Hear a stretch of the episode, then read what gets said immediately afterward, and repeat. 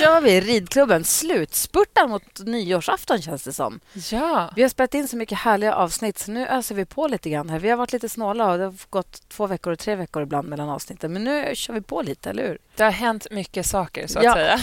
Välkommen tillbaka till sadelkammaren.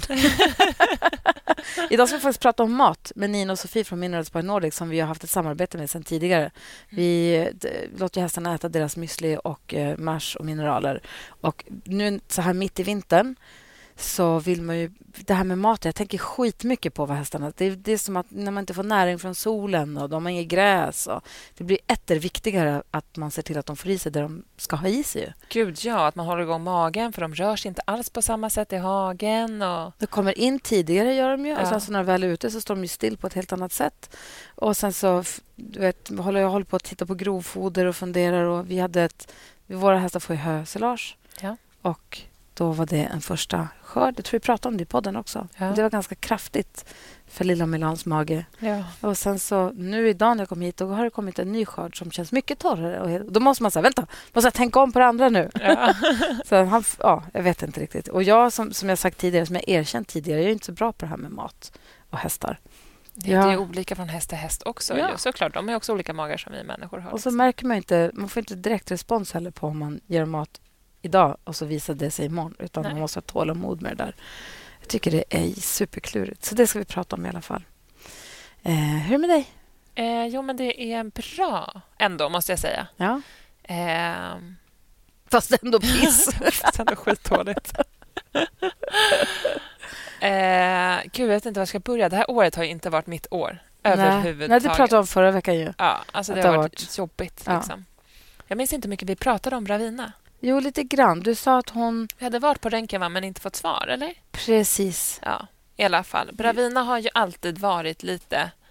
Alltså hon känns bajsnödig när man ska rida. Ja, precis. Att hon stannar Ja. och går inte fram. och Sen går hon liksom med öronen framåt och hoppar fint. Och, men du vet, man har haft en känsla av att det är det här är inte bara ett beteende hon har utan det är någonting som tar emot i hennes kropp. Liksom. Mm. Eh, och Då hade vi ju världens bästa Tove Särkinen eh, som är veterinär och har ju specialiserat sig nu på munhålor men hon var ändå här och kollade tänderna. Så då Ja, men sa det jag pratade vi om. Exakt, kan Ja. du bara titta på henne? Och då sa hon direkt att hon trodde att det var något i halsen. Så vi röntgade och sånt och så åkte vi in och gjorde CT-röntgen och nu har vi fått svaret. Och det är ju då som vi trodde att det inte det är inget bra Nej. halskotpelaren. Så hon ska bli en änglahäst. Hon ska galoppera vidare på de evigt gröna ängarna. Så hemskt. Jag vet, så jävla sorgligt. Också med såna hästar som är... Hon har så otroligt stor personlighet och en så Mm. jäkla härlig häst. Men då känner man också så här, förstå vad hon... Tänk om hon inte hade haft ont, vilken jävla kämpe hon hade varit. Ja. Alltså så mycket som hon ändå har kämpat och förmodligen haft ont, Ja. vilket också är hemskt. Men som jag pratade med Anneli som också red henne och hon bara, men tänk också, det här är också hemskt att säga, men jag tror ju tyvärr att hästar får ju ta lite stryk ibland när de inte... Alltså inte Är- få ta stryk, utan... Nej, men att folk går på dem lite för hårt kanske. Ja. Du vet. Och då, så här, jag skulle aldrig slå en häst. Jag är inte en person som slår Nej. en häst för att göra som jag vill. Liksom. Eh, men det finns ju folk som gör det Ja, du menar så, ja. ja. för att de tycker att man ska tämja dem på det sättet. Men det, också, det känns så skönt att jag aldrig varit elak mot henne. Jag har aldrig liksom tvingat henne. Har det varit en dålig dag, då har jag suttit av. Eller vi har gått ut och gått en promenad i skogen. Eller, då jag, försökt, jag har hela tiden försökt leta efter Lyssna alternativa... på henne. Ja, men jag har försökt leta efter alternativa sätt att då göra så. Alltså, du vet, för då har jag kunnat sitta upp och skritta ut och det har gått jättebra. Ja. Och ibland Anneli har varit och tävlat på den och det har ju gått jättebra. Jag var ju iväg på en penjamp och det gick ju jätte... Alltså, så det är ju... Det är så svårt att veta det där. Men det är också ändå skönt nu på ett sätt att man har fått ett svar. Mm. Och att det här är förmodligen något som är medfött, tror de. Det går inte heller att veta eftersom vi inte har röntgat henne på just det stället innan. Men det är tydligen ganska vanligt på så stora och långa hästar eh, att de får problem Det är Bosse som låter. ja. Knähunden. Han tycker det är kallt. Ja. Nej, men så då fick jag ändå... För det är också så här, då säger veterinären sitt och sen så ska man skicka in till försäkringsbolaget så ska ju de och deras veterinärer säga sitt. Och, alltså jag älskar vårt försäkringsbolag. Jag tycker de har varit toppen alltid. Men jag har också upplevt när man ska ta bort hästar att de alltid, eller oftast försöker så här, men vadå, kan den inte vara en haghäst? Mm. Eh, har den ont hela tiden? Du vet, lite så. Mm. Men nu var det, för då hände det sen medan jag väntat på försäkringsbolagets svar. Så jag tänkte att de kanske ändå kommer ifrågasätta det, så det kanske inte är så. Då kanske jag kan, du vet, att man försöker mm. Ljuga för sig själv egentligen, tror jag. Men jag, samtidigt, innerst inne i mitt huvud, så har jag vetat att det är dåligt. Mm. Eh, men deras försä försäkringsbolaget var också direkt att så här, nej, hon ska tas bort. Ja. Hon mår inte bra. Liksom. Så skithemskt. Så det var också så här, bara, okej, hur gör jag nu? Jag hade tagit bort en häst. Men inte jag heller. Förut. Alltså jag hade en häst som bröt sitt bäcken. Men då var han på Strömsholm, så då tog ju de hand om det. Det var en häst som hade polynevopati, hette det. Vad är det? Alltså, jätte, han var så att han bara tappade bakdelen och ramlade och fick sår på bakbenen. Eh, och Då höll de på att forska på det här på SVA. SLU. Jag lär mig aldrig vilket som är viktigt. Men på Uppsala, så de forskar kring det här. Eh, så då när vi ändå konstaterade att det var det han hade så ville de skicka ner honom till eh, Tyskland för att obducera och göra, forska på honom. Eh, så då tog de hand om avlivningen och mm. hans kropp. Och det kändes ju också bra att det kom till ett sånt syfte så att man kunde lära sig mer om den sjukdomen. Liksom. Eh, men nu, det, nu är det jag som måste göra det här. Ja. Så då fick jag ett nummer till nödslakt, ringer man, eh, som ska komma och ta bort henne. Och Då ska de komma hit till stallet och göra det. Och du vill göra det här? För man kan ju åka till klinik och göra det där också. Exakt. Alltså det är ganska mycket dyrare på klinik och ett annat stressmoment för hästarna. Ja. Alltså jag tror att hemma känner de sig ändå trygga och lugna och det går ju otroligt fort. Jag har, faktiskt, jag har frågat runt lite folk som har gjort båda mm. delarna. Men jag, jag tror att det är bättre att göra det hemma. Ja. Att de känner sig trygga och lugna i den här hemmiljön. Det tror jag också. Jag hade en här i stallet som var tvungen att ta bort sin häst som jag pratade med. Ja. Och hon åkte till klinik. Ja. Och Hon tyckte att det var så bra för att då hade de sövt ner... Du vet, ja. De blir liksom såsiga i huvudet. Ja. Så hade de stått och hållit hans huvud. Hon har haft honom jättelänge. Ja. Stått och hållit hans huvud tills han blev såsigare och såsigare. Tills han liksom inte var Liksom, vaken alls, men stod upp. Ja. Och Då gick hon ut. Så skulle de väl ge någon sista spruta. Då. Ja, exakt. Så hon sa att jag vill inte se någon ramla. Nej. Men hon var där tills han liksom inte var kontaktbar. Och sen så gick hon ut. Och Det tyckte hon var jätte, jättebra. Ja. Men jag förstår också, jag är helt med på som du säger, att det kanske... Det är bara det att jag menar, hästen i sig ja. går ut bakom stallet och ställer sig och käkar på en hötuss eller gör någonting, antar jag, Exakt. i lugn och ro. Exakt. Och sen så bara borta. Exakt. Så att för hästen är det säkert mycket, mycket bättre. Det är just Sen vet jag att... inte vad som är bättre. Alltså, förstår du? Så jag tror egentligen att båda sätten är väl bra. Alltså, förstår mm. du? Men jag tror också att ta bort dem hemma är, jag tror att det kostar en fjärdedel så mycket som att ta bort dem på klinik. Ja. Så det är ju också lite en pengafråga. Ja. Vi har ju också ridskola här och sånt. Så, jag har, alltså det är helt sjukt att jag ändå har inte behövt vara med om det här innan. För det har ändå hänt att vi har tagit bort hästar här förut. Liksom. Ja, för jag trodde nog att du hade det. Nej, men så då pratade jag lite med mamma idag och då sa hon att Fast vet du, det ingår faktiskt att man har varit med så man vet hur det går till. Så hon tyckte att jag skulle vara med själv nu för att jag har varit lite att jag ska försöka få någon annan. För jag sa till Nicky idag, jag, bara, jag undrar, jag bara, måste jag, ska jag erbjuda mig nu, Rebecka, att jag gör det? Eller ska vi be typ Anke eller någon i stallet eller kolla om någon annan kan? Nicky bara, jag kan göra det. Jag bara, jag tror inte att du ska vara med. Nej. Hon bara, jo, hon är, helt, hon är väldigt snäll. Ja. Men har hon läst hur det går till? Jag vet inte. Jo, det tror jag. Ja. Hon pratar mycket om det här vad traktorn hämtar i hästen sen. Nej. Hon, det, hon säger att en traktor kommer att hämta hästens kropp sen. Ja, nej. Nej, jag vet Nej, eller, alltså jag, Det är också helt sjukt att när jag hade pratat om det här med någon, att jag skulle ta ja. bort Bravina, så fick jag upp eh, reklam i telefon. Ja. Alltså det är så sjukt. Ja. Eh, då var det någon annons hur det går till när man avlivar hästar. Fan alltså. Jag vet hur det går till att, man, att de ramlar ihop på marken. De kan ju få sig efter... Om det är känsliga lyssnare nu ja. så berättar jag lite hur det går till, eller vad jag har läst mig till. Eh, så kan de ju få lite ryck och sådär. Att det ser ut som att de lever, men att de inte gör det. Eh, och Sen skär man ju upp hals, halspulsådern mm -hmm. så att man tömmer dem på blod. Här? Ja. Eh, och Sen så har ju de med sig en lastbil och en vinsch, tror jag, så de vinschar in hästarna i ett släp eller en lastbil. Men då skrev de att då brukar de be ägarna gå därifrån innan ja, de gör det, se. för det ser ganska makabert ut. Ja, det var jag med om. Det var också hemskt. För många år sedan så jobbade jag och Julia här på ridskolan. Kommer vi på morgonen då är det en häst som har fastnat i boxgallret med sitt bakben. Oh, så den hänger liksom i det där. Oh. Och man ser att den har, alltså på den, den har kämpat hela natten, den har så inre blödningar och man ser ju, alltså den, den mår inte bra. Liksom. Och sitter fortfarande fast. Julia fick rätt mycket panik. För det är, också, det är svårt att träna på en sån här situation om man aldrig varit med om den förut. Så Julia fick, det var också snöstorm och ishalka ute såklart. Så Julia ringer mig och skriker typ i telefonen. Och jag bara, okej, okay, du måste lugna ner dig. Men jag var två minuter senare så jag kom till mm. stallet. Mm. Och då um, bad jag Julia, jag bara, du går ut härifrån och går och fodrar de andra stallgångarna. Så jag, vad gör jag nu? Jag, bara, jag måste få ner hästen härifrån. Så jag ringde brandkåren och frågade om de kunde komma och hjälpa mig att såga loss en häst. Så då kom brandkåren också superproffsiga och sågade... Och så hade jag såklart ringt veterinären. Eh, distriktsveterinären var det då. Eh, som också var så här, jag kan komma på en halvtimme. För det här var ju säkert prio ett-läge mm. för dem. För att jag sa att hästen är jättedålig. Jag tror att vi kommer behöva ta bort den på plats för att den var så sjuk. Liksom. Eh, så brandkåren kom och fick, sågade ner boxgallret så att hästen kom loss. Eh, och då ramlade den ner, liksom, men den försökte ju, alltså den låg ju verkligen det rann lite så blod i ögonen och i näsan. Och, oh, alltså, den var verkligen... Stackars, ja, så jag tyckte så fruktansvärt synd om den. Och sen kom veterinären och hon sa ju på en gång att jag kommer ta bort den här. Jag kommer ta beslutet. För veterinären har ju en sån... Vad heter det? Man får ta ett sånt beslut. Exakt. Blir... Överägare och alltihopa ja. om det kräver. För ja. vi fick inte tag i hästägarnas, hästägarna. Nej. Men hon bara, jag kommer ta bort den här på en gång. Liksom. Och då gjorde hon det och sen kom ju de då och skulle hämta men då var den ju i en box i stallet.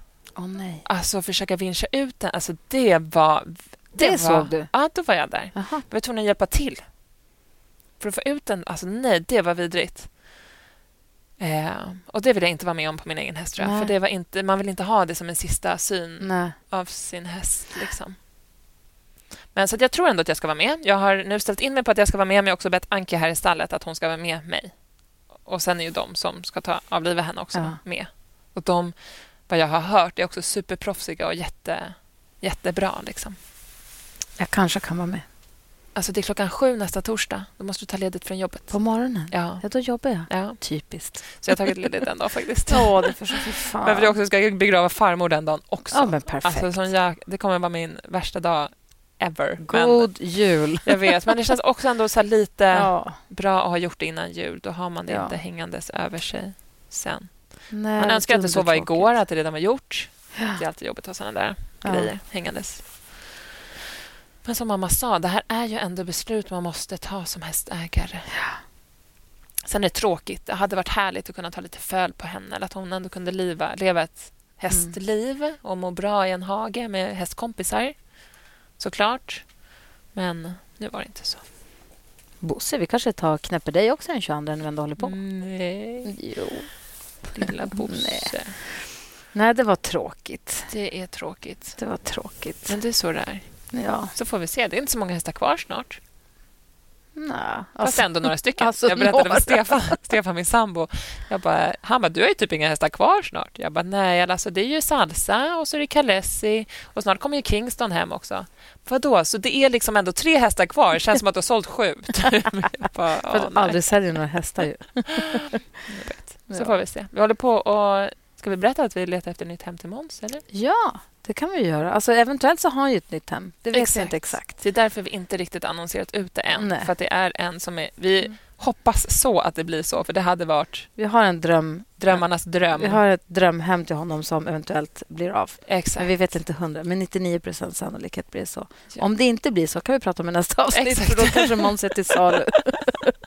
Men han är också så jävla gullig. Och ja. jag alltid tänker på det. Varje gång man kommer i stallgången så gnäggar han ju. Så fort man öppnar dörren så har man ett litet... ja. Han hör ju direkt dörren öppnas och så gnäggar han. Det är samma sak i Sommarhagen. Alltså när ja. man går ut på gräs. När han man kommer med lastbilen, då kommer han travandes först och gnäggandes. Han kommer i full trav mot den alltid och är så jävla gull, förlåt, jag så jäkla gullig ja. och glad och snäll. Sen så är han lite så där en liten räv kanske, eller inte vet jag. Nej, det har han inte heller. Liksom. Man märker ju om det är mycket barn. Då går han ju till första höpåsen. Ja, liksom. det är klart. Och han dyker lite efter grästussar när det är någon liten som sitter på ryggen när man är ute och går. Eller man får säga, men så fort man säger till honom så att han fattar att man menar, ja. då är han ju liksom snäll. Det är ja. inte det. Och så jäkla gullig med de andra i hagen. Ja, vi får se.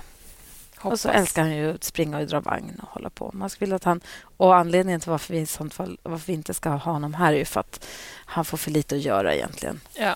Nicky växte ju ut som en, jag vet inte vad. Det är helt sjukt. Jag tittar på er idag i stallgången. Hon är lika lång som dig Hon nu. är tyvärr lite längre än vad jag är. Är det sant? När vi köpte Måns för ett och ett halvt år sedan eller vad det var, så då red hon ju honom. Då var han ju normalstor på honom. Normal. Ja, men typ. Alltså, det är helt sjukt vad hon växer. Nej, jag vet. Det är verkligen... Hon måste ha så sjukt växtverk det här året. Det har jag faktiskt inte frågat henne om.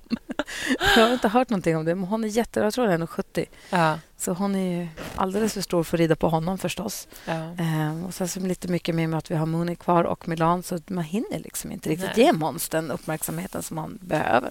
Som man tycker han förtjänar. sen han tycker att det är roligast att vara ute. Galoppera ut i skogen Ja. eller dra vagnen i skogen. Och Det här stället är inte optimalt för såna saker. Nej, han har inte förstått det här med vänstnät igenom riktigt. Nej, han tycker inte att det är så himla är roligt. Ja.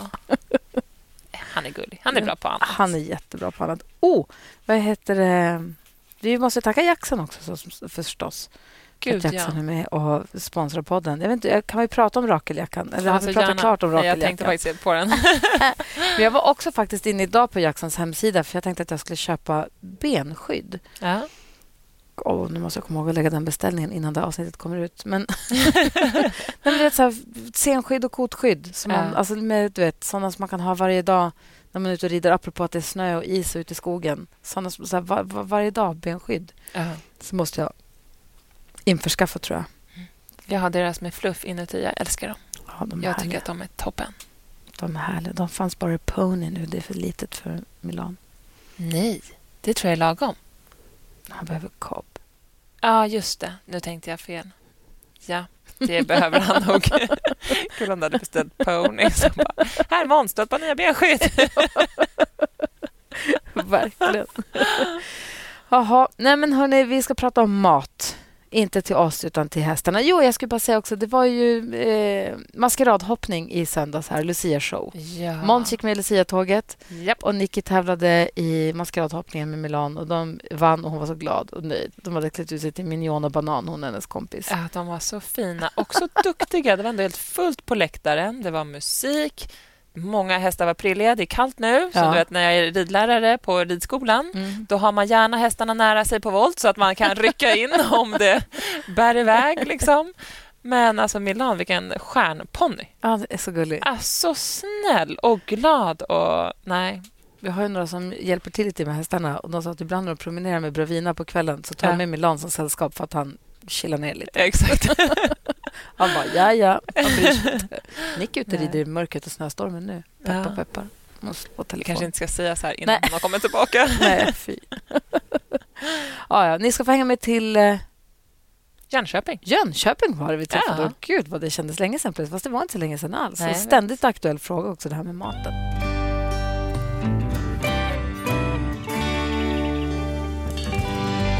Vi har slagit oss ner här med vår inspelningsutrustning och sitter med Nina och Sofie från Minerals by Nordic och tänkte prata om mat. Hur är läget med er? Det är bra. Mycket bra. Ja. Roligt att vara här med er Ja. igen. Ja, det var länge sedan. Ja. Vi, hade, vi, på, vi träffade er i den här podden för det är två år sedan. Det känns som att det var nyss. Alltså, Ja. Max ett, skulle jag säga. Ja, men jag vet. Tiden går så fort. Och vad har hänt sen? Vad, vad är det senaste nytt på, foder, på foderhimlen? Ja, vad är vad snackar man om? Vad är det viktigaste? Vad är det nya? Frågan är om, om det är vad vi snackar om eller vad andra snackar om. Allmänt. Vad är det liksom? Ja, vad ska man säga? Alltså, man ser ju, jag som får upp väldigt mycket reklam och sånt från andra fodermärken. Det Ja. är ju mycket debatt om eh, socker och spannmålsfritt. Fler och fler kommer ju med de här spannmålsfria alternativen. Ja, vi har en granne, en Vad är som är glutenallergiker. spannmålsfritt? Mm. Exakt. Vad är spannmålsfritt? Ja, eh, att det är fritt från vete, havre, korn och sädeslagen. Liksom. Och varför vill man ha det? Eh, vissa vill ha det, vissa vill inte ha det. Men eh, ehm, som man säger till också människor, att för mycket av spannmål kan ju skapa inflammation i kroppen. Mm. Och det finns ju andra. Alltså det, dels finns det ju forskning på att man kan klara sig väldigt långt på grovfodret. Även hästar som tävlar då. Eh, Och kompletterar man upp det så finns det andra alternativ. Hö, höpellets eller lucern. Eh, Om man inte vill ha, man vill ha mer kraftfodertypen så kan man ju välja, då heter det ju Johannesbröd, eh, protein från ärtor Och vilken är det med? Lupin är också ganska populär. För vi har som sagt vi har en boxgranne som visade sig vara glutenallergiker. Mm. Och jag visste inte ens att hästar kunde vara det. Det stämmer. Ja. Så kan det vara. Och det är väldigt individuellt hur eh, hästar kan hantera spannmål. Så vissa kan ju absolut gå på det och det går jättebra. Men det börjar ju också bli mer och mer känt vad eh, som kan hända när hästarna är känsliga mot det och ökar risken för kolik och andra tillstånd. Och hur, märker, hur vet man då? Jag tänkte på det. För jag, vi har en ponny som vi har haft ett halvår bara som vi håller på att försöka lära känna. Man försöker hitta så här, vad trivs du med och hur gillar du då? Han käkade torrhö där han bodde förut och vi har hönsilage. Eller hösilage heter det kanske. Ja. Eh, och han blir, han är inte, om man nu ska gå in på detaljer, bajset ser helt normalt ut. Men han, det liksom blir rinnigt. Han får rinn längs benen som ser så otrevligt ut också. Som Mm. ju är ett tecken på att det inte är helt hundra. Balansen i magen är inte kanon. Och då började jag fundera på att laborera med så då har jag tagit bort så att han inte äter kraftfoder. Alltså inte kraftpellets utan han får bara grovfoder och sen så lite, lite havre. Men du vet, jag håller på att försöka känna mig fram lite. Då är man så rädd. Så här, jag vet inte hur pass, hur pass man kan liksom... Eller jag vet inte hur, riktigt vad jag ska, hur, hur jag ska veta vad han behöver eller vad han ska ha. Ja, Vi brukar också fundera på det ibland. Ju, eh, som Ja. nu när vi spelar in så är det ju höst och Ja. samma med det är vår. Det är ju någonting som händer i Ja. tarmfloran då. Ja, dels så ska ju blindtarmen ställa om sig. Jaha. Ja, och då är det ju för att det ska bli mer fibrer på ett annat vis om de har haft tillgång till gräs. Sen är det ju, det finns ju alltid de hästarna som bara tränar och tävlar och inte betar. Men många hästar har ju lite han har gräs att beta. äta. Han har Ja, käkat massa gräs. och då, då är det väldigt lättsmälta fibrer och bra på energi och protein och så. Då jobbar magen på blindtarmen och sen så ska man öka på på fiberhalten. Och då blind, blindtarmen tycker jag den nördade jag in mig lite på förra Ja. hösten. Den, lig, den är allt du har 40 lärt dig. liter. Den ligger lite som en sadelväska bakom sadeln. Mhm. Där är den Jaha. kan man säga, inne i kroppen då, Aha. på hästen. Och då, då ska ju den hålla det man tänker på, ofta tänker man ju så här man, när man tittar på det som kommer ut i bakänden, Mm. men, men när kom det in? Det är ju ganska länge, nästan ett och ett halvt dygn i blindtarmen innan det kommer ut som bajs. Ja. Är det i blindtarmen? Ja, men i tarm och mage Ja, ja men alltså, ja, men äh, det är den är kvar en väldigt jäs, länge. jäskammare kan man Ja. säga. Ja, man brukar ju Det säga typ att det tre, efter tre dagar kan man börja se någon förändring när man har fodrat Ja. hästarna, eller Ja. hur? För det Ja, tar det nästan tre den som dagar Och gå igenom att gå igenom Ja. kroppen. Liksom. Så att så där att hästar kan bli så här jättenervösa och bara jättebajsa. Det, det är ju någon sån här annan instinkt i kroppen. Alltså tö- tömma tarmen, För att fly. dra upp liksom. magen, Ja. sticka. Mm. Ja, för det, om, vi nu ska, om jag nu ska prata ur egen... alltså, som den här hästen då. Han blir lite så när han kommer in på tävlingsbanan. Han ska bajsa på framridningen och han ska bajsa inne på... Han blir lite Mm. så här Ja. pirrig av att nu ska det tävlas. Men det är ju en sak och det fattar jag ju. Men det här till vardags, att det alltid är, lite, att det alltid är rinn längs benen och att det är liksom det där. Ja. Och då vet jag inte. Då har jag som sagt dragit bort på kraftpellets och sen så får han lite havre för att bara stödja upp. Men bara lite, några nävar, inte mycket alls. Mm. Och så får han ju eh, Minerals by Nordic Müsli. Mm. Alltså eller eran müsli helt Ja. enkelt. Mm. Och det Eh, som är jättebra med att tänka på också, i ja, är ju prebiotika och eh, linfrö för att smörja eh, tarmslemhinnan. Ja. Eller Eh. syllenfrö. Det Ja. också. Ja, ja, hur funkar det de var då? det jag tänkte på. Loppfrö. Jag var inne på loppfrö. Ja. Alltså linfrö finns i den mashen Mm. som vi har då. Den Så då borde jag kanske överväga mashen snarare Ja, än müslin? mashen kan vara eller? bra. Den är prebiotisk, alltså sådana ämnen som ska öka på hans egna goda bakterier. Den har kroppen- många olika källor Ja. till prebiotika också så att det blir liksom ett brett stöd till mage och tarm. Så då och borde kanske jag byta från Mm. müslin till mashen? Är det det vi Absolut. säger? Ja, man kan Eller lägga till komplettera. den lite ibland. Alltså, så här, man behöver inte ha den varje dag. Eller liksom när man ett par dagar ska åka. Gud, Jag Eller... skulle så gärna vilja att det bara fanns regler. Ja, bara så, så här funkar det. Det bara, jag vill att det ska vara mer fyrkantigt. ingen bok Ja, man ska göra. Men du Ja. kan ge Du kan både göra manual också. Ja. En. Ja. manual. Men du kan ju ge mash varje dag och müsli varje dag. För mashen är ju... då? Ja, men om du vill ge mashen för ett prebiotiskt stöd Ja. till magen. Det, det räcker ju med till en ponny två deciliter torrt. Så det tillför ju inte så mycket. Plus vatten liksom. får vi säga. Ja, så. Ja. Eh, Så det tillför ju liksom inte massa energi och protein utan det är för liksom den probiotiska funktionen. Eh, Så den kan du ge även om du också vill ge en müsli för till exempel stötta upp eh, protein och energi eh, innehållet Så müslin är för protein och energi och Mm. är för det probiotiska. Är det så Ja. alltid i alla mashar eller är det bara... Jag kan inte prata för alla, Nej. men Nej, men vi alltså det, i stort så. sett kan man väl säga. Alltså, Man själva får läsa lite på näringsinnehållet. Det, det är ju också. en uppfinning från förr i tiden, Ja. när de red hästar på jakt. ja. Och det finns ju många mash som har spannmål i sig och då blir det ju mer energi och Mm. eh, stärkelse och så och då får de en liten annan funktion. Så här är bytet till det. Det löser vi. Ja. Eh, och eh, jag skulle säga, jag skulle nog slå ett slag för eh, de här eh, loppfröna då, sylumfrö. Det, är ju, det känns ju poppis. Ja, det är väldigt poppis. Och det, det finns många sådana här eh, olika... Eh, en del eh, för de här kolikhästarna så ger de jättemycket torrt och sådär. Men jag, jag skulle säga så att vinsten med dem är ju att det blir som ett väldigt eh, bra slem. Gelé. Varför? Inga kal- hört- Inte kalorier på det viset utan bara lite slem. Precis. Vi skulle hört att aldrig man ge ska- torrt. Nej, men jag har hört att man ska, man ska inte ge det mash till exempel för att då har man förlorat syftet. Jag brukar göra så att jag typ ger det med müslin, häller i krubban, Mm. häller på vatten. Det kan vara lite olika beroende på häst, men så att det ändå är vatten över allt foder. Och sen får hästen äta. Mm. För att det ska då bilda slemmet i magen. För att annars Ja. så blir slemmet, om den får ligga i mashen en kvart eller en halvtimme, att då har man förlorat syftet. Stämmer det? Eller är det... Jag, vet, jag skulle säga att man vill ha det slemmet hela vägen. Alltså, hela, det, den är hela lite vägen. smörjande överallt hela Ja. vägen. Det enda som man kan säga om sylonfrö oavsett hur man vill fodra det då, Är det torrt, torrt eller, ja, loppfrö, eh, torrt eller blött men aldrig ihop med olja. Exakt, för Nej, för då, det har du sagt för då Rebecka, kan och då gör jag aldrig då känns det som Ja. att bara oljan Mm. gör att det rinner rakt igenom. Ja, det kan bli, då, det, det blir väl mer att det klumpar sig. Ja, det kan klumpa sig Aha. också. Då kommer ju inte va- vätskan åt Nej. och, och Ja. lösa upp de här. För så fort de, de eller lösa upp dem, så slemmet bildas, då, då glider de ju omkring sen. Ja. Och sen så om man själv experimenterar hemma och ställer det i blöt innan man fodrar det. Har ni tänkt på hur himla mycket vatten det liksom binder upp? Ja. Alltså, och tänk att det ska binda, som du fodrar med vatten, då är ju Ja. ändå, du fyller ju på med vatten också hästen. ja. Så det går säkert jättebra.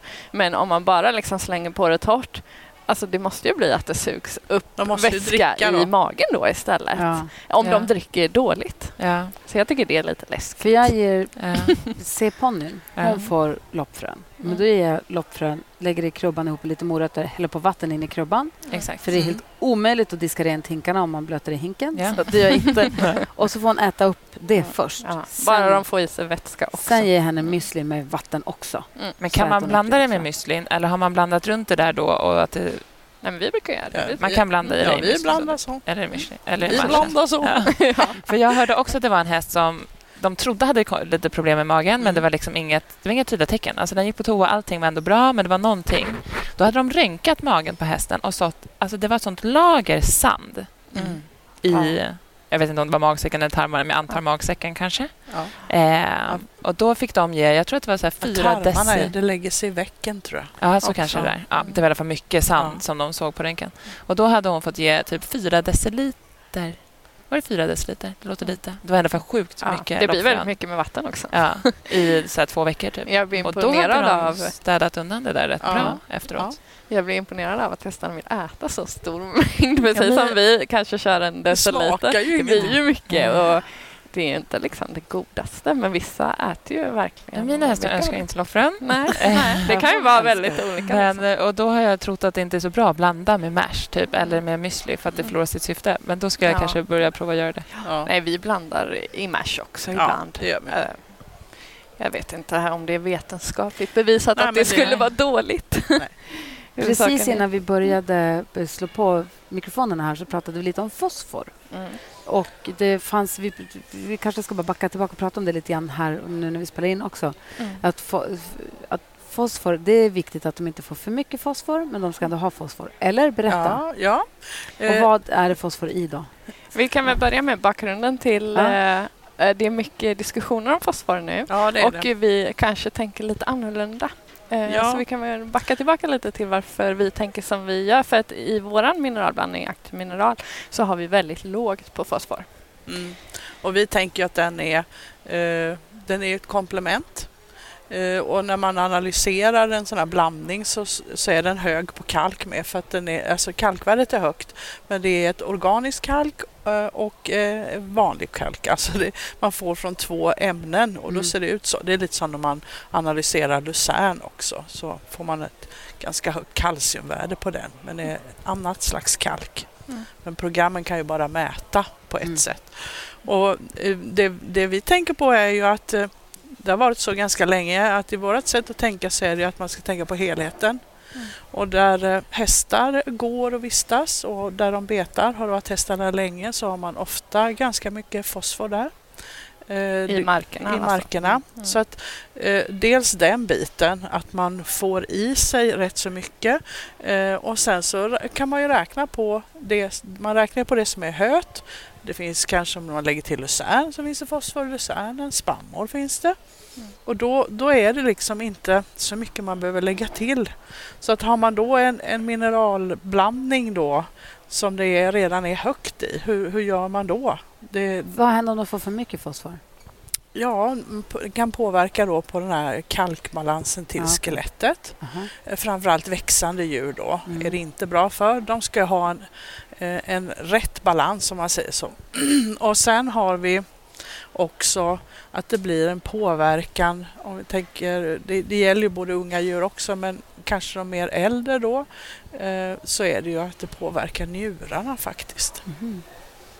Okej, och då, hur vet man att det är rätt balans? Jag tänker på eh, sommarhalvåret när de bara kanske är ute och äter gräs. Och som unghästar eller föl, de går ju på bete då med sina mammor. Då får ju de, diar ju dem. Men Ja. sen när de börjar äta gräs, är balansen då alltid rätt i det grovfodret? Det finns ett sätt att kontrollera det om man tycker att det är intressant. Ja, det, dels så är det så att man kan faktiskt ta prov på träck och se Mhm. hur mycket Aha. fosfor hästen släpper ut. Mhm.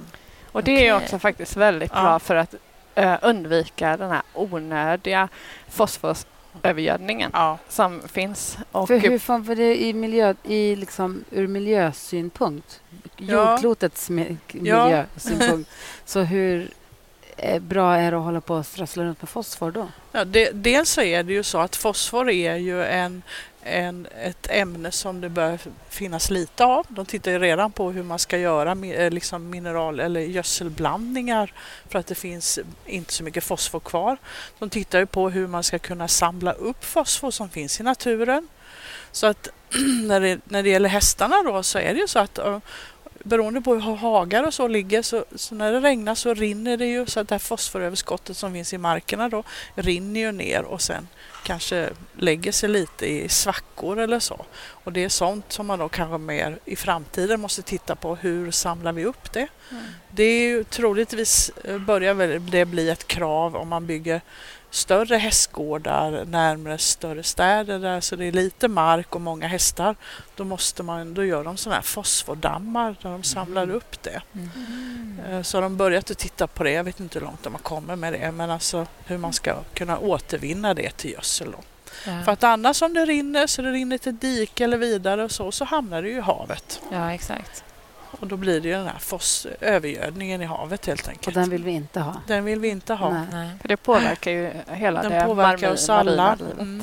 Och då känns det också onödigt att ge hästarna för mycket mat Ja, så att de bajsar ut för mycket grejs som sen rinner ner i havet. Alltså det blir Ja, bara en Precis.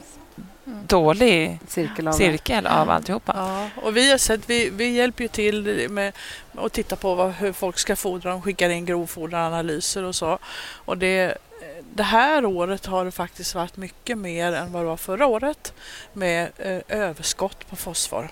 Ja, okej. Mm. Det är många som har mycket fosfor i grovfodren för då kollar de ibland på våran aktivmineral till exempel. Bara, det är så lite och kvoten är konstig. Ja. Ja, men vi måste se på hela foderstaten. Det är så många som täcker fosforbehovet bara i grovfodret. Och så länge fosforbehovet är uppfyllt så har det ju visat sig i försök att om kvoten kan vara ända upp till sex utan att det är någon fara. Liksom. Ja. Hur mycket fosfor äter dina hästar? ja, alltså det var det här. Jag kände så gärna att jag ville ha Vi får räkna på det. våran analys med mig, men den sitter ju på höbalen i stallet. Men, och fosfor, det är den som heter P, Mm. eller hur? När man Ja. ser en grovfoderanalys. Så, så Det är vi... kalcium och fosfor. Kalcium. Alltså C, genom P. Som ska, genom P. Det ska vara Ja. balans där. Det Ja. har jag lärt mig. Och det, det att den ska vara i bra balans i grovfodret, det är ju också, alltså grovfoderanalysen talar ju om liksom vad, vad har du för resultat på din produkt? Ja. Alltså, vad, vad har du gjort på åkern? Vad har du fått ut för resultat? Hur mår jorden? Så, så att den ska liksom också spegla, jaha nu var, nu var det liksom högt på fosfor, då måste jag kalka Ja, på den åkern för Ja. att liksom få upp det värdet ja i balans. Poddtips från Podplay. I podden Något Kaiko garanterar östgötarna Brutti och jag, Davva, dig en stor dos skratt. Där följer jag pladask för köttätandet igen. Man är lite som en jävla vampyr. Man har fått lite blodsmak och då måste man ha mer. Udda spaningar, fängslande anekdoter och en och annan arg rant. Jag måste ha mitt kaffe på morgonen för annars är jag ingen trevlig människa. Då är du ingen trevlig människa, punkt. Något Kaiko, hör du på Podplay. Därför är gardinerna. För att vi har ju fått en fråga av Caroline och foderstarter. Hur viktigt är det med en balanserad foderstart och att den följs? Vad händer om man inte gör en analys på sitt grovfoder och bara kör på? Liksom? Ja, ja. Allt möjligt kan hända. Det är klart att man ska eftersträva efter att räkna på alla delar och ha koll på det. Det är ju många olika eh, bristsjukdomar som kan uppstå ifall det är obalanser.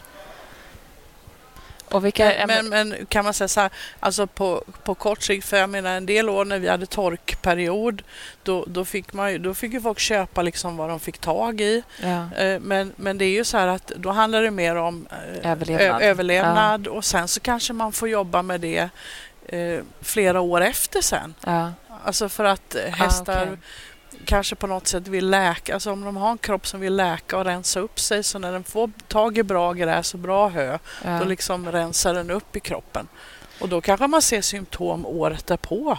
Precis. För det känns också som att det är en snackis nu med magsår hos hästar. Att det är så vanligt. Ju. Exakt, att det är många som säger... Men nu gjorde de ju någon studie, läste jag också, på islandshästar som Mm. har gått fritt på Island som de testade för magsår. Och Då var det ju jättemånga som hade magsår av att bara ha varit vildhästar och ätit naturligt. Det låter jättekonstigt. Jag vet. Men så var det alltså typ 70 procent som hade magsår. Och Så tog de in dem, satte dem i träning i stall, gav dem foder och lite olika tillskott. Eller liksom, ja, de testade vid två olika grupper. typ. Och Där hade de fått ner magsåren på dem. Mm.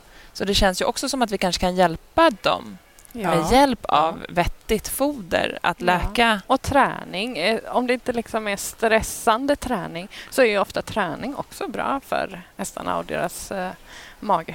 Ja, men för jag tänker, aktivering Exakt. kan man säga. Rätt Mm. aktivering. för egentligen, om man bara går tillbaka till sig själv så mår man ju bra av rörelse. Alltså man mår ju bra av att röra på sig, Ja. eh, men man mår ju inte bra av stress. Och Det är ju säkert Mm. samma för hästarna. Om man sätter press på dem när de känner att de inte klarar av det, Mm. då startar ju det säkert en ond process. Men det är jätteintressant med den där studien att de har gjort på islandshästar ju. Ja. För jag tror att många så här... Det är mycket prat om liksom halvblodshästarna och att vi avlar på de här stressade typerna och magen blir ju påverkad av stress. Ja. Eh, så jag själv till exempel tänker spontant så här, ja men det är mycket halvblod som har magsår men eh, det var ju väldigt spännande att även de här vilda islandshästarna då Som ska vara superchill, Ja. säger jag som inte kan någonting. Nu kommer någon, kommer någon hugga mig. De kan säkert ha Ja, olika de mentalitet kan ha också. energi de med. Ja, Gud, men ja, där, där ser man här. väl också, där finns ju forskning om man vill nörda ner Mm. sig Mm. eh, om just om hur, hur tarmarna och eh, magfloran är, tarmfloran heter det kanske på svenska, hur den är, när de, för den ska de få från mamman. Så Ja. fölungen har med sig liksom grundfloran. Jag var ju och gjorde gastroskopi på en häst här för Mm. ett tag sedan. Det var så jäkla, vi pratat om, men det var så Ja. spännande. Få åka ner i, liksom, med färgkamera, åka med ner En i magen. resa i tarmarna. Ja, plus att magen var så fin också så att det var så himla glatt. Det var jättespännande att få se Ja. och få titta runt där inne. Och, Och den hade ju inte Otroligt. magsår. nej, Nej. den har jättefin mage. Ja. Ehm, Misstänkte ni Mm. magsår? det gjorde vi. Men det var det inte. Mm. Så att det Nej. var, eller jag visste att det var. Mm. Det är något knas, men hon är inte på humör. Nej. Så jag tänkte vi måste ju, till sist måste vi kolla vad om det är magen. Mm. För det är Ja, så synd om, om det skulle vara, hade varit så hemskt om det visade sig att hon har magsår. Och så. Ja. Ja, det är mycket som... eh, Men ston kan ju vara så här att magen stressar igång brunsten och brunsten stressar magen och Ja. det blir ju lite Obalans. vad är hönan och vad är ägget? Exakt. Ja. Exakt. Linnea också här, mineraler till föl och unghästar. Ja, ska de ha det? Ska Kingston ha mineraler? Ska du åka till Mariefred då? Kasta mineraler varje på dag. honom? Kasta på. Ja, men det är ju väldigt bra om de kan få Ja, det är det absolut. mineraler redan Eh, från att de är små. De, eh, alltså, vad ska jag säga, de flesta som har, om man har unghästar i grupper så brukar man ju välja att ha en blandning som är i fri tillgång om man inte fodrar dem varje dag. När de blir lite Som större en så- saltsten fast mineralsten. Eller? Finns det? Ja, Nej. nej, jag, jag gillar inte det. För Det då, finns. alltså, finns, vi- okej. det finns ju det. Men Ja. då tänker jag så här, ibland vill de ha salt och ibland Mm. vill de ha mineraler och sen äter de för mycket salt då för att de egentligen vill ha mineraler.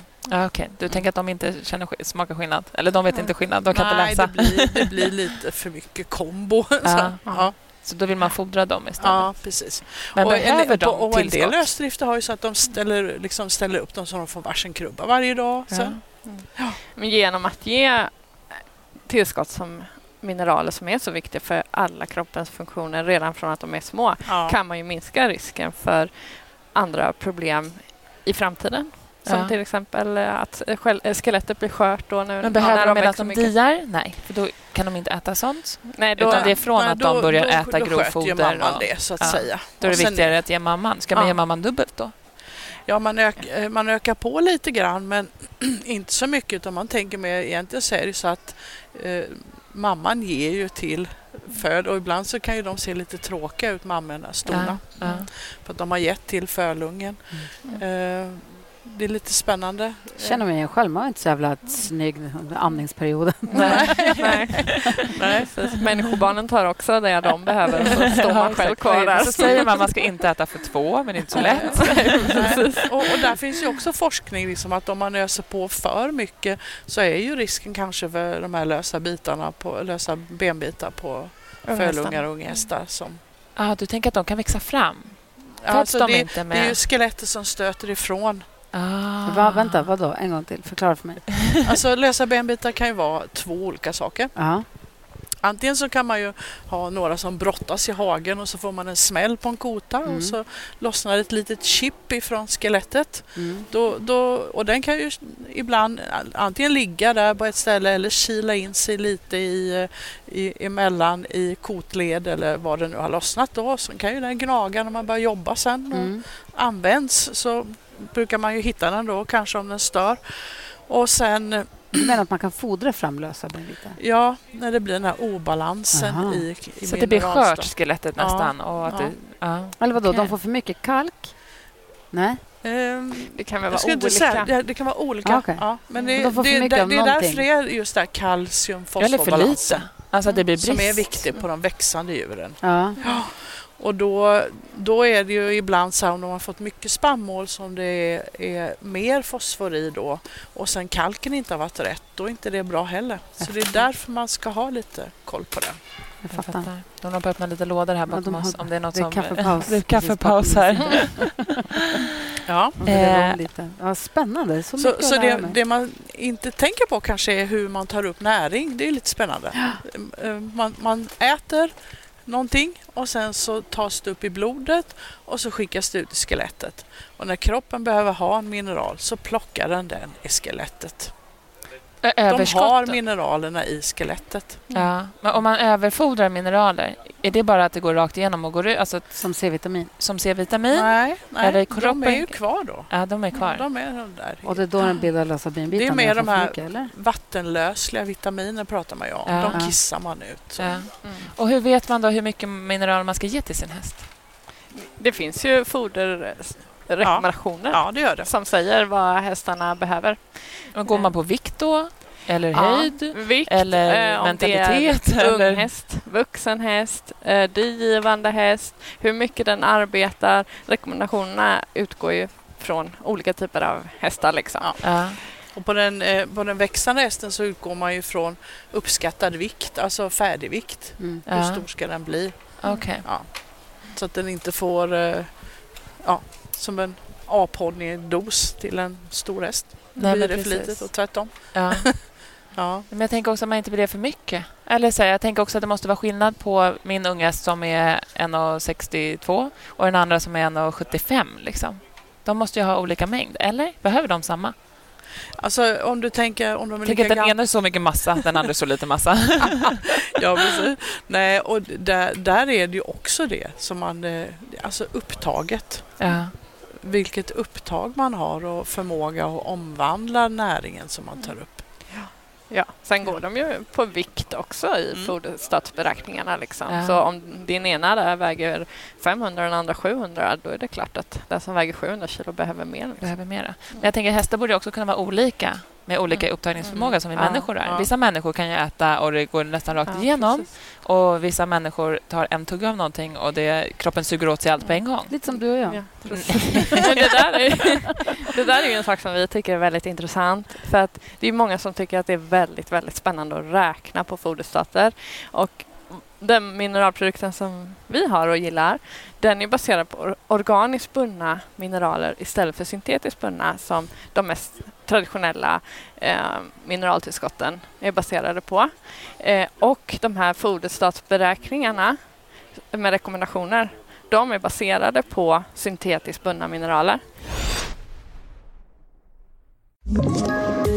Poddtips från Podplay. I podden Något Kaiko garanterar östgötarna Brutti och jag, Davva, dig en stor dos skratt. Där följer jag pladask för köttätandet igen. Man är lite som en jävla vampyr. Man har fått lite blodsmak och då måste man ha mer.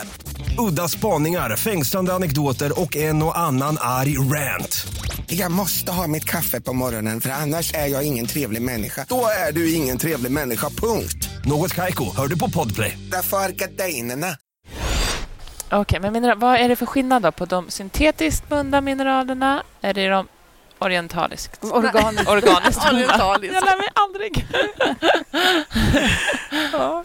De syntetiskt bundna, de är, räknar man på ett 30-procentigt upptag och det är det som är i räkneprogrammen, foderstatsprogram. Ja. Eh, De är inte anpassade för de här organiska.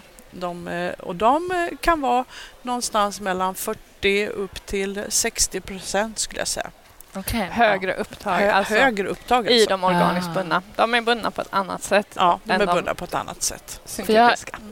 Jag pratade med en hästergonom, visst heter det så? Ja. som jobbar med foder, alltså alla olika märken. Och Då sa de faktiskt att era mineraler, att hästarna har det är så mycket större upptagningsförmåga Mm. i dem.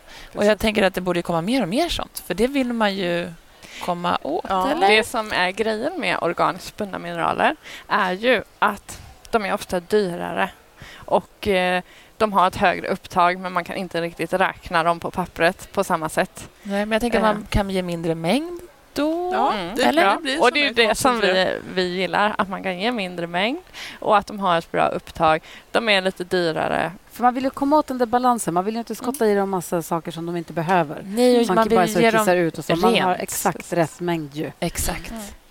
Men jag skulle säga så här, jag rekommenderar verkligen. Om man, om man har en häst som man tycker att ja, den känns som att den skulle kunna vara lite, lite till. Om man ändå tar en sån här hälsocheck eller så på hästarna. Ta ett blodprov. Ja. För det är En någonting som är... mineralstatus. Den talar ju om... Alltså, det Ja, men går- veterinären då? Om vi nu, nu pratar om magsår och, och stress och allting. Alltså en, kanske en häst som har vuxit upp i Holland, lite yta, många djur på ett ställe. De kan ha en annan stress, Ja. ett annat upptag. I- stora stall utomlands så har de ju så att de kan inte hantera så mycket grovfoder Nej. utan de kör fibrer i pe- pelletsform om man säger så att, för det är lättare att hantera och fodra och så. Och som ni sa tidigare, Ja. att ja, du kan äta vad som helst och jag kan inte äta vad som helst. Alltså precis så är det ju med våra hästar och därför tycker vi verkligen att det är så intressant att eh, göra de här eh, regelbundna eh, kontrollerna. För att bara ta det en gång och sen aldrig mer. Man måste ju ha referensvärden för att Exakt. som sagt det varierar ju i blodet liksom. Ja. Eh, men eh, i Sverige är vi ju generellt eh, inte så heta på den gröten. Men Nej. i Tyskland jobbar de jättemycket med att göra de här blodanalyserna på mineralerna. och sen bestämma liksom, hur fungerar min häst? Ja. Nu fordrar jag det här, nej nu gick den ner lite i världen.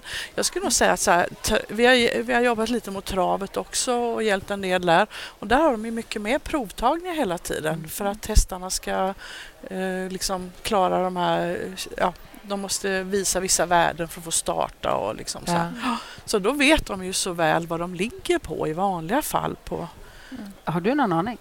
Nej. sina Nej, värden. inte heller. Nej, jag har ing- inte en susning. Nej. Jag tittar på dem om de ser glada ut. Ja, De jag ser blanka och välmående ut och Exakt. bra i Ja. hullet. Så då Det är- det är en bra start.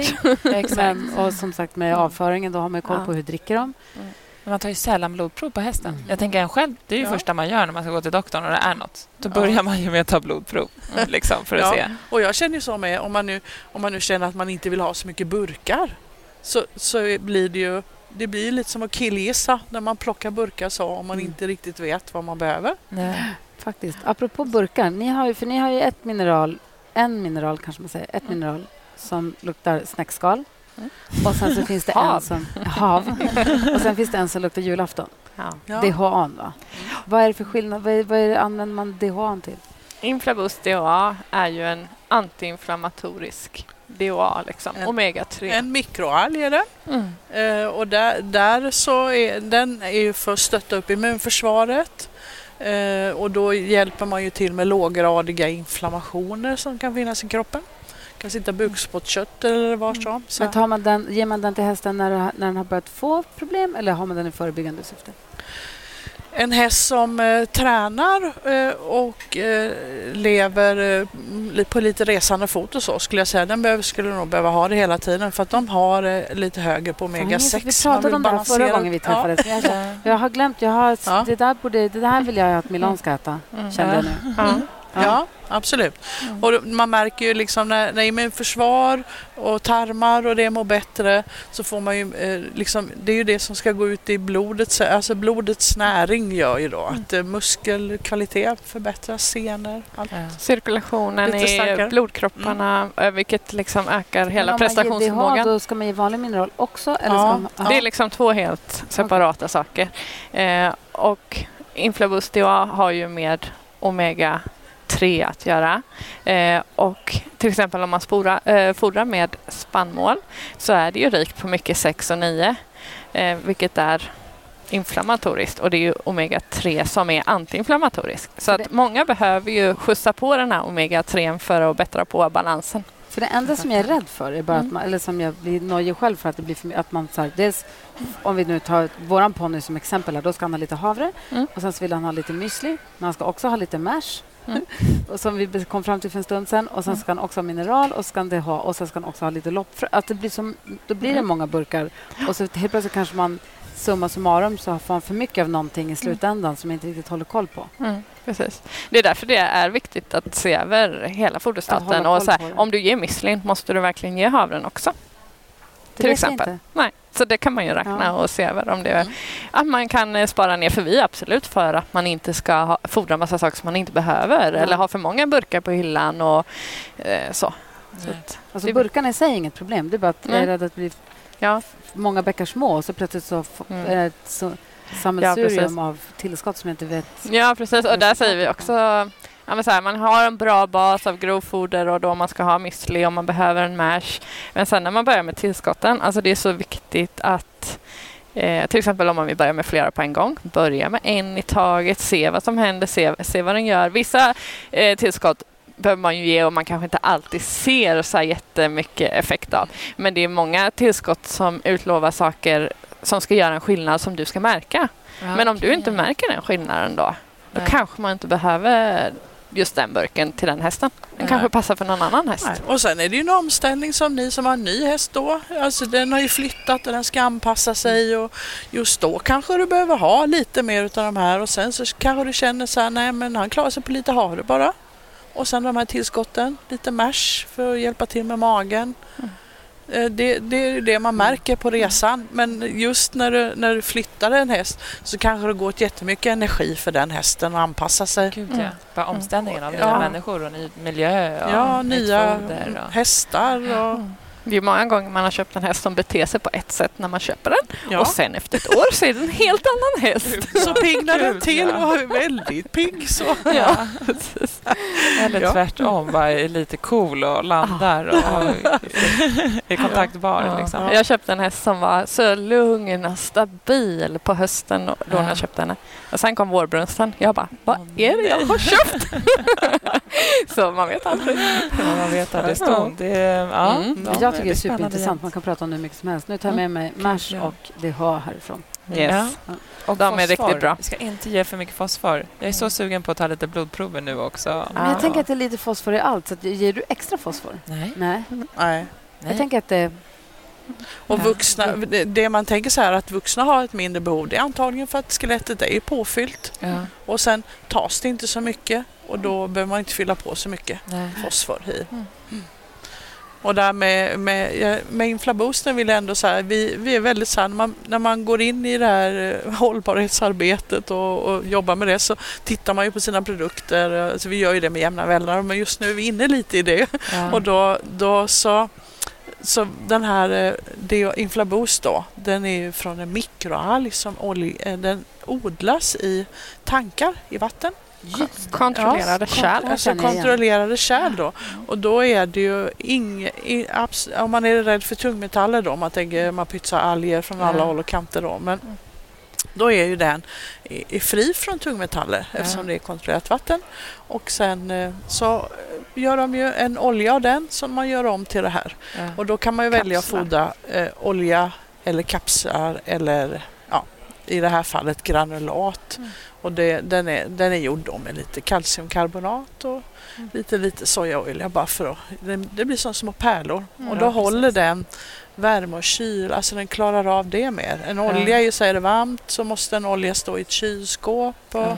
annars så kan det härskna på ett annat vis. Det, Och vi som håller på nörda just nu med Ja, vårt hållbarhetsarbete, vi måste bara säga en rolig sak. Ja. Ett ton av den här Inflavus DHA motsvarar om man skulle ge det från en fiskolja istället då, som är en vanlig källa. 40 ton. 40 ton fisk för att Från göra havet. ett ton verksamt. Hur, gör, hur går det ens? Det, det är sjukt. den matematiken. Den, Så det är väldigt hållbart alternativ det till eh, Ja. omega-3 också. Kan vi människor vilket- gå äta det där också? Ja, det Ja. finns på kapslar till eh, Är människor det också. exakt samma eller är det lite olika annan uppsättning? Alltså den är i en annan kapsel och sen Ja. så är den registrerad hos Livsmedelsverket och våran är Just ju det, just registrerad hos Jordbruksverket.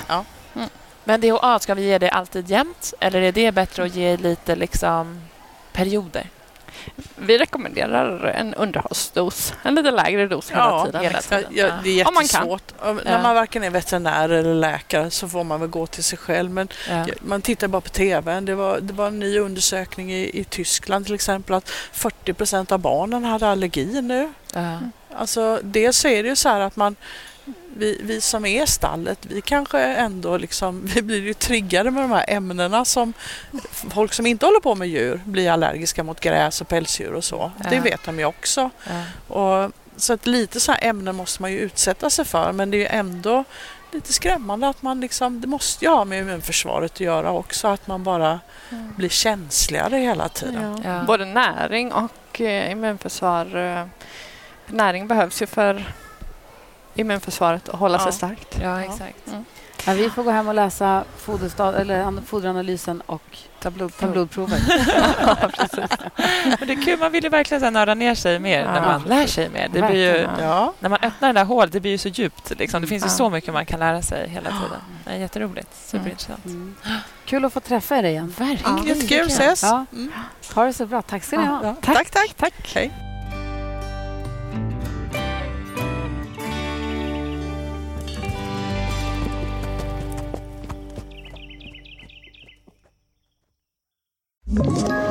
Ett poddtips från Podplay.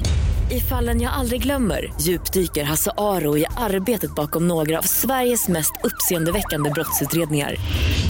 Går vi in med hemlig telefonavlyssning och, och då upplever vi att vi får en total förändring av hans beteende. Vad är det som händer nu? Vem är det som läcker? Och så säger han att jag är kriminell, jag har varit kriminell i hela mitt liv men att mörda ett barn, där går min gräns. Nya säsongen av Fallen jag aldrig glömmer på Podplay.